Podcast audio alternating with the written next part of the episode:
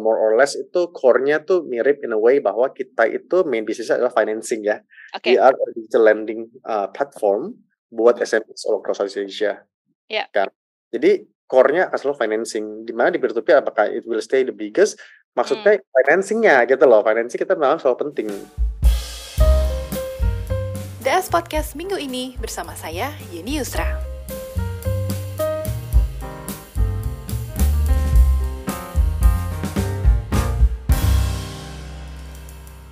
Hai Reynold, apa kabar? Kalau ya ini baik dong. Long time no see ya Rey ya. Ya, long time banget, lama banget sebelum itu terakhir. Tapi ya thank you for hosting us again. Thank you for having us also meluangkan waktu. Tahu banget Reynold sibuk banget kan sekarang modalku nih Ya, Uh, keep growing and uh, still exist until now ya. Tapi Iya. looking back, uh, Reynold mungkin bisa di-share dari awal sampai sekarang transformasi terbesar apa sih yang sudah dilakukan oleh modalku di Indonesia? Kalau modal aku sendiri kan sebenarnya sebuah regional group ya, eh, Ya. di mana kalau kita ngomong modal punya growth tidak lepas dari pertumbuhan regional, di mana kita sekarang ada di lima negara, Indonesia, Singapura, Malaysia, Vietnam, sama Filipina. Eh, Hmm. Filipina, sorry, sama Thailand. Salah ngomong. nah, eh, jadi sebenarnya kalau ngomong perkembangan grup sih banyak hal yang seru-seru. Cuma mungkin kalau Oke. kita ngomong hari ini kita ngomong khusus di Indonesia aja. I think the biggest public news yang orang-orang tahu adalah kemarin kan kita ada sedikit eh, ada menjadi minority shareholder di bank indeks di Iya. Indonesia. Heeh. Memang perkembangan terbesar kita adalah kita sudah try to go beyond financing, Mhm. uh, beyond cuman kalau dari awalnya kita hadir sebagai P2P company ya, tapi sekarang kita uh, associate diri sendiri bukan sebagai P2P lagi, di mana Mhm. kita itu berkembang memiliki beberapa lini lini lini lini model eh bo- mo- Iya. bisnis model gitu loh, Iya. di mana tidak cuma P2P lending, ya P2P lending sekarang menjadi salah salah satu dari bisnis kita. Mhm. Namun of course ke depannya permainan neo banking akan menjadi salah satu yang kita uh, prioritaskan kalau uh, Oke. there's future move of buying or, or or per- apa investing a bit in a bank gitu. Seru banget ya Reynold karena kita lihat uh, gue juga sempat ngomong sama beberapa penggiat uh, fintech ya. Kayaknya lebih Hmm. seksi untuk melakukan uh, apa strategi ini ya, uh, which is digital bank ini. Ke depannya Reynold melihat akan lebih banyak nggak sih di di luar dari modalku nih platform fintech atau di luar platform fintech yang melakukan uh, move seperti ini nih Reynold? Saya rasa pasti pasti mulai banyak ya soalnya Iya. kalau sebuah tech company kalau hanya ber, ber- bergantung dengan peer to peer alone, I think Aha. Gonna be challenging ya kalau cuma cuma bergantung situ ya. Maksudnya at the same time Iya. juga dari financing itu penting, tapi building ekosistem, building kita punya apa jaringan itu juga penting sih. Jadi saya Oke. rasa more and more people will do that. Tapi Hmm. uh, sama halnya dengan dunia bisnis kompetisi lainnya, di mana semakin lama ki- makin kelihatan konsolidasinya gitu loh. Jadi semakin lama Oh, karena semakin menjarah ke tempat lain, artinya uh, investasi yang dibutuhkan juga semakin besar ya. Ya. Jadi, while saya melihat banyak yang akan ke sini, tapi same time juga nggak semua bisa ke sini. Jadi memang bakal ada apa namanya, uh, ada filterisasi dari di sana Oke. gitu ya, seleksi alam lah gitu. Iya. Tapi talk to me about P2P, uh, P2P lending itself. Uh, is it still your biggest uh, business atau ke depannya mungkin akan ada scale lagi produk-produk baru? How is it now? Co- compare to Sebenarnya when you started. Ya ya, perbedaan Hmm. terbesarnya adalah begini.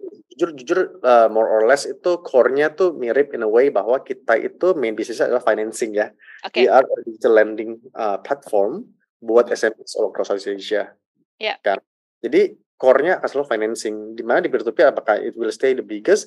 Maksudnya Hmm. financing-nya gitu loh. Financing kita memang selalu penting. Tapi selain financing kita akan offer bukan akan sih kita offer something else.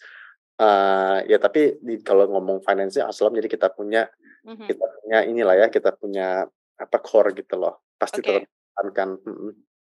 Untuk fundraising journey sendiri kan saat ini modalku sudah di Series C ya uh, tahun ini ya. Uh, Series C plus. ah. ya, Ah, ah, Uh, how is it the fundraising journey so far untuk pertumbuhan modalku? Apakah membantu mengakselerasi, mempercepat growth, atau mungkin sekarang fokusnya lebih ke profit atau sustainable? Apakah pem- uh, pembiayaan itu memberikan impact untuk modalku sendiri dari awal sampai saat ini? oh ya pasti dong kalau nggak ada Oke. funding kita nggak bisa ada Yes. kita very blessed with our uh, investors sama shareholders yang support Hmm. kita dari day one sampai hari ini Uh, tanpa mereka tidak akan ada hari ini itu nomor satu is very clear nomor Oke. dua adalah ya we're one of the lucky people di mana kita menyelesaikan fundraising kita well, walaupun tidak ada yang tahu ya pada waktu itu ya waktu itu Iya. market tulis ya terus tiba-tiba ada perang dari sana sini gitu loh jadi and then all of the stock market tank gitu-gitu lah ya. Dan uh, makro juga lagi jelek sekali kan gitu loh, yeah. ekonomi, global recession, whatever gitu. Jadi hmm. semuanya lagi secara ekonomi dunia memang lagi nggak gitu bagus ya ekonomi dunia ya. Tapi untungnya kita sudah menyelesaikan fundraising ini sebelum okay. The market turns gitu loh. Oh. Uh, jadi ya buat kita kita very blessed. Jadi kita uh, while many people probably uh, apa namanya mungkin lebih berusaha bagaimana bisa uh, um, apa uh, bisa fundraising selanjutnya, untungnya kita nggak perlu pikirin itu. Pikiran yeah. kita adalah bagaimana kita bisa memaksimalkan hasil fundraising kita gitu. Ya, yeah. tapi untuk modalku sendiri, Re, ketika kalau memutuskan untuk oke okay, it's time for us to fundraising itu based on apa sih? Based on strategic plan, based oh, yeah. on uh, strategic partnership atau gimana? Oh ya semuanya sih jujur dilihat dilihat dari situ dari runway okay. kan mereka fundraising apakah yeah. market lebih bagus actually it's a complex decision making lah nggak cuman cuma nggak cuman eh sudah satu tahun harus fundraising mm -hmm. Nggak nggak oh. segampang itu memang ada guidelines di mana setelah berapa tahun bisa fundraising ya okay. well semakin lama kita mau semakin sedikit gitu loh eh maksudnya bukan semakin sedikit sorry semakin lama kita mau semakin profitable ya yeah. gitu sih jadi semakin lama kita mau raise from a profitability apa yeah. position gitu. Mm -mm. Dan tidak terlalu sering funding juga ya? Ya, jadi kalau funding itu bukan dipakai untuk oh cuma sebatas runway-nya diperpanjang, yes. tidak diperpanjang bukan, yes. tapi pengennya sih makin lama makin ujung ya funding mm -hmm. untuk berjaya gitu loh. Iya. Yeah. yeah. uh, masih berkaitan dengan uh, fundraising dan tech winter sekarang nih Ray. Uh, sekarang kan ada beberapa startup yang kesulitan visi juga benar-benar meminimalisir ya eh, investasi kepada startup Indonesia. Hmm. Buat Renault sendiri nih, buat mereka yang sekarang lagi struggle, tapi butuh funding, apakah memang akhirnya harus ditunda dulu atau mereka cari cara lain untuk bisa menambah runway atau kepentingan lainnya, Re? Ya, masalah tentang funding ya hanya visi yang tahu ya karena decision making ya gitu loh kalau yeah. di operating company ya. Uh. Uh, tapi ada segmen juga kalau saya ngobrol-ngobrol banyak hal, jujur memang iya sih visi pasti lebih rem-rem sekarang ya. Yes. Tapi ada uangnya ada, jadi oh. lebih ke arah uh, apa uh, the fund is ready, tapi mereka masih belum mau deploy gitu karena oh. mungkin masih harus harus ini ya harus apa lebih lebih hati-hati lagi karena sekarang zaman sekarang udah nggak bisa kayak dulu lagi. Yeah. Uh, I think the speculative factornya semakin semakin kecil zaman mm -hmm. sekarang. Mm -hmm. At the same time juga sekarang market valuationnya juga semakin strict gitu. Di mana kalau dulu mungkin oh company nggak ada revenue bisa raise besar. Yeah. Belum apa-apa pasti tanya revenue-nya gimana gitu. Jadi which is which is a good thing lah karena jujur ya mana pun juga bisnis harus profitable, harus sustainable ya.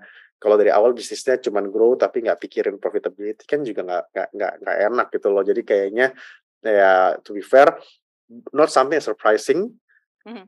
tetapi ada sampai juga the speed the transformation happens kayak almost instantly di mana the mindset mm. berubah eh grow grow grow jadi profit profit profit profit gitu jadi jadi tiba-tiba itu what what the investors are expecting itu sesuatu yang bertiba-tiba kebalik tapi mm-hmm. sampai juga nggak ada satu company bisa tiba-tiba berubah plek gitu instan yeah. gitu yeah. gitu jadi kayak uh, jadi makanya and, and, and that result in a in a, in a harder ini ya environment buat okay. race and I don't think it's gonna I I think it's gonna be a bit it's gonna take a while lah. bukan kayak besok tiba-tiba jadi ini ya. Nah, I don't think it's gonna uh-huh. be too long, tapi ada sama juga I don't think it's gonna be like tomorrow or next month things will change suddenly ya. Uh, jadi oh. kayak sih memang harus kalau buat company-company yang memang burningnya sedikit ya silahkan yeah. grow, itu grow. Tapi kalau burningnya banyak sih mungkin harus reconsider ya. Karena memang mm. uh, memang kita aja internally we try to expect, extend our lifetime as as much yes. as can gitu loh. Uh.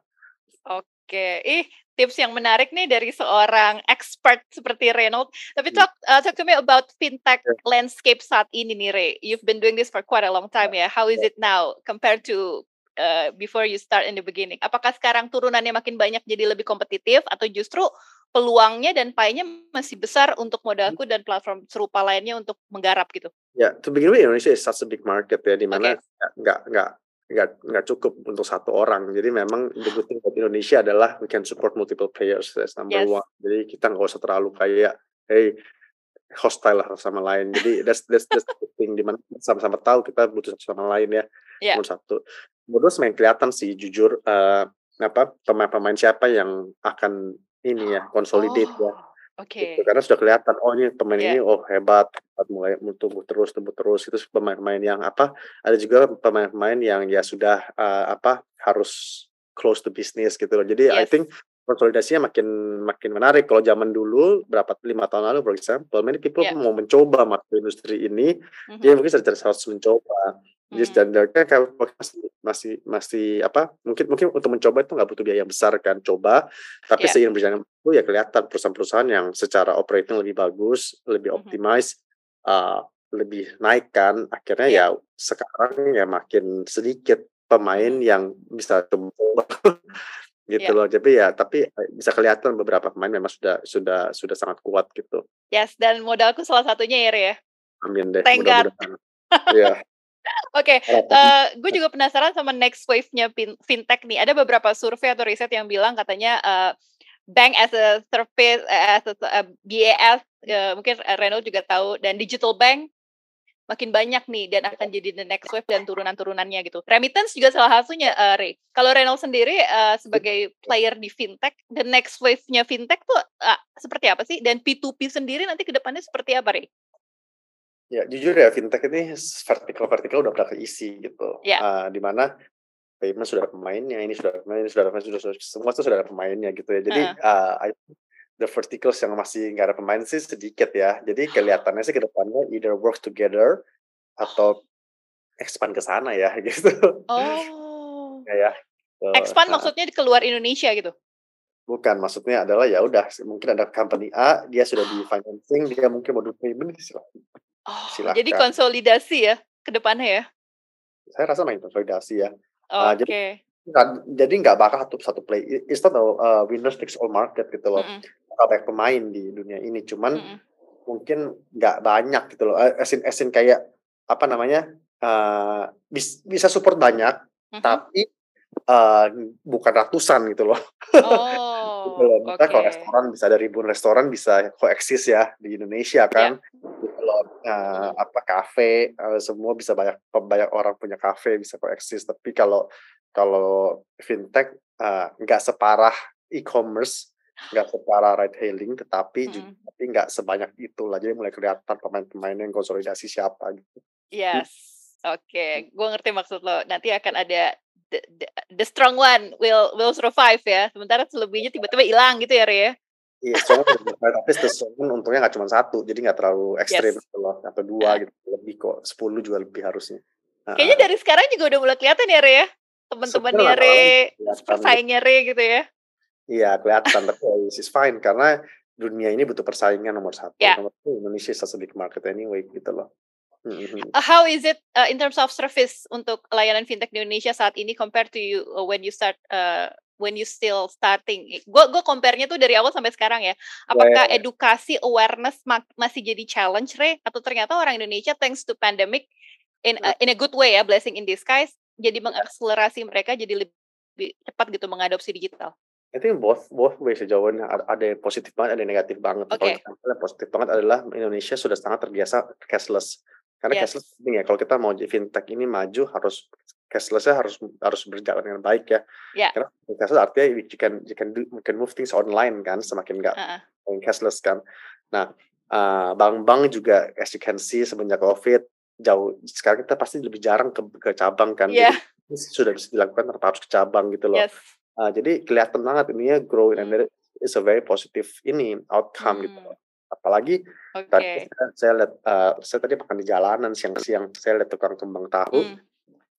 ditempel QR di ininya apa, tahu keliling loh. Wow. "Makanya udah hebat." Wih gila, waktu kecil mana mungkin kan. Yoi. Buat namanya mana mungkin, beneran loh. Jadi kayak dia gerobak gitu, bukan gerobak, tentengan di Heeh pikul. heeh heeh. Pikul itu ada QR-nya ditempel, saya Wow. bener gitu. Terus sekarang saya ke mana-mana nggak pernah bawa cash sebenarnya. Yes. Pokoknya pakai QR aja gitu kan. Heeh. Eee, soalnya lebih enak juga kan nggak usah kembali. Apalagi di Indonesia kalau kembalian kan ini ribet banget, banyak Ribet. kayak pecahan-pecahannya Ya. banyak. Mmm, jadi kayak aduh males juga ya, apalagi Mhm. kalau, eee, apalagi apa, eee eee, ya kecil-kecil gitulah, repot Ya. Suka hilang gitu loh kalau cepet. Gitu. Nah, apa Yes. namanya, so that's the positive parts gitu loh. Di Oke. kalau negatifnya juga masih banyak jujur, kayak data infrastructure Mmm. kita jelek sekali jujur ya satu Indonesia. Oke. Kedua, in yang ilegal-ilegal juga masih merajalela. Jadi kita Iya. Visionnya tuh oke, tapi Mhm. namanya orang desperate ya, orang Mhm. desperate semua udah dicari gitu loh. Yes. Iya gitu loh, jadi susah juga ya kalau kita ngomong, Heeh. eh jangan pinjol, tapi the same time juga Iya. same time juga mereka desperately need it gitu loh. Jadi kayak Iya. itu sangat membingungkan. Jadi ya not not it's not like we're blaming Yes. sama lain, bukan, tapi maksudnya that's the reality di Iya. Indonesia yang ilegal tuh banyak bener. Jadi banyak PR harus dilakukan Iya. gitu. In a way itu juga jadi salah satu uh, purpose-nya platform wealth management untuk melakukan edukasi. Jadi uh, kalau dulu mungkin Renault mesti sendirian ngeducate orang, sekarang ini udah banyak nih wealth uh, wealth tech Iya. yang melakukan hal itu. Jadi benar juga tadi yang Renault bilang kolaborasi akhirnya bisa jadi memperkuat ekosistem fintech ya. Terus si You, you have you, you don't have to do it alone ya, Ray sekarang ya Ray. ya? Ya, iya. Cuman yang biasanya yang yang memang terjerat terjerat yang ilegal ilegal gitu tuh, Ya. jujur ya kenapa ya itu orang-orang yang ngerti wealth management in the first place. Ya, Jadi kayak masih jauh ya Ya, kalau ngerti tentang wealth management gitu, yes. dia nggak bakal terjerat ilegal ilegal. Oke. People at the grassroots level ya, di mana Yes. waduh mereka benar-benar tiba-tiba butuh banget duit gitu nggak wah, asal aja gitu loh. Iya. Ya itu yang itu yang ngeri sih. Gitu. Oke. Oke, menarik nih Ronald. Eh, kalau di Indonesia sendiri modelku compare to funding societies di Singapura dan Malaysia ya. Thailand Hmm. juga nggak sih? Udah, Eh, udah sampai ke Thailand nggak sih funding societies? udah udah. Udah ya. Itu Vietnam. seperti apa sih, Re? Eh, perbandingan usernya dan layanannya? Apakah plug-plug template di Indonesia modelku eh, Oh. di, di, diterapkan di Singapura? tuh, apa lebih relevan di Thailand gitu? Atau di Malaysia mirip-mirip dengan kita? Atau atau beda-beda nih, Re? Jujur gini, semua negara di Southeast Asia dengan pengecualian Singapura Oke. itu membutuhkan funding Oh, Karena- karena funding gap eksis gitu loh di Iya. apalagi di negara yang masih developing ya. Uh, not apa namanya? Uh, iya, a lot of the countries sudah sudah maju banget lah. Thailand, Vietnam juga sudah sangat maju Yes. gitu. Tapi funding gap masih Hmm. eksis itu di Indonesia juga kan. Kalau kita ngomong di Hmm. Singapura kan udah mature ya. Jadi kalau di Singapura sih Iya. udah udah nggak funding gap. Jadi it's a different story there gitu Yes. loh. Jadi funding gap needed. Cuman karakteristik bentuk kebutuhannya bisa berbeda-beda antar negara. Uh, jadi Oke. apa namanya? uh, dan juga yang paling harus diperhatikan adalah ini kenapa nggak plok-plok ya? Karena bukan kita nggak jual barang beda, bukan bukan Yes. bukan jual iPhone misalnya setiap negara sama jenis iPhone-nya sama gitu loh. Ya. Di, bentuk fundingnya berbeda-beda. Kenapa? Karena sekali lagi karakteristiknya berbeda-beda, regulatornya berbeda-beda juga. Ya. Jadi setiap negara kita punya regulator masing-masing kita harus tunduk gitu loh. Hmm. Nah, that's actually a very big compliance karena setiap sekali lagi apa yang comply di Singapura belum tentu comply di Indonesia, apa yang comply di Yes. Indonesia belum comply di Thailand gitu loh. Jadi Yeah. jadi uh, it's very difficult honestly Ah. buat financial financing company buat have many operations in many countries gitu loh. Hmm. Di mana I think that's one of the good things that we do gitu loh. Di mana kita bisa melakukan hal itu dengan baik sih. Yes. Uh, nggak nggak gampang jujur tapi kita seneng lah. Uh, kita seneng lah kita. I, I think in that in that kita masih banyak room for improvements. Tetapi in that department kita, kita, we know how to scale in many Yes. countries like gitu. Hmm, Mungkin hmm. nanti Ray bisa bikin ini nih, uh, Hah? how to build, how to expand the right way in Southeast Kalau Asia. misalnya Karena sekarang startup udah mulai banyak yang kayak gitu nih. Uh, ada beberapa yang kita juga mau kok platform kita dipakai di regional gitu ya. Karena nggak gampang tapi menarik kalau ternyata bisa menemukan formulanya gitu ya, Ray ya. Ya, nggak benar nggak gampang, susah sekali. Ya, itu actually requires a lot of efforts sama sama- Wow, oke Iya. deh. ya, Eh, pensiun. menarik, menarik banget deh kalau dapat insight dari you. Ray, terakhir nih tahun Hmm. 2022 udah mau kelar nih, tinggal beberapa bulan lagi. Tahun depan target dari eh, modalku apa sih? Apakah fokus untuk ngembangin digital banknya atau mungkin ada rencana lain gitu? Digital bank for sure karena that's the Oke. reason we itu ya we invest in the bank ya for Hmm. sure. Tapi paling penting dari semua adalah profitability-nya harus naik. Eh, itu nomor satu profitability harus naik. Eh 2023 ini, aduh, saya sih jujur nggak ada yang tahu, Tuhan yang tahu ya. Cuman Wow, sih kelihatannya sih nggak akan mudah ya kelihatan. lusuh ya kayaknya ya. Waduh, saya nggak tahu deh. Makin susah ya. kayaknya sih nggak mudah ya karena Iya. sekarang sekarang aja banyak sekali eh, orang-orang yang tadinya doing very well Mhm. tahan gitu loh Iya. karena memang macro economy is very bad Yes. It's something that we have to acknowledge gitu Hmm. Mhm. Ya, tapi fokusnya tetap profitable ya. Iya, maksudnya kita confident kita bisa bisa bisa grow the company well, tapi for for for us yang paling penting bukan asal grow gitu loh. Nggak apa-apa grownya mungkin Oke. kita kita selective growth is, is completely fine gitu loh. Hmm. Oke, terima kasih Renault atas waktunya. Senang banget bisa ketemu Renault meskipun via Zoom ya. Mungkin nanti next time kita bisa ketemuan ya, supaya ngobrolnya dan gosipnya bisa lebih banyak lagi gitu. Thank you Renault. Anytime, Alright, thank you. Sukses ya buat modalku ya. Amin, thank Oke, you. bye-bye. Bye. DS Podcast minggu ini bersama saya, Yeni Yusra.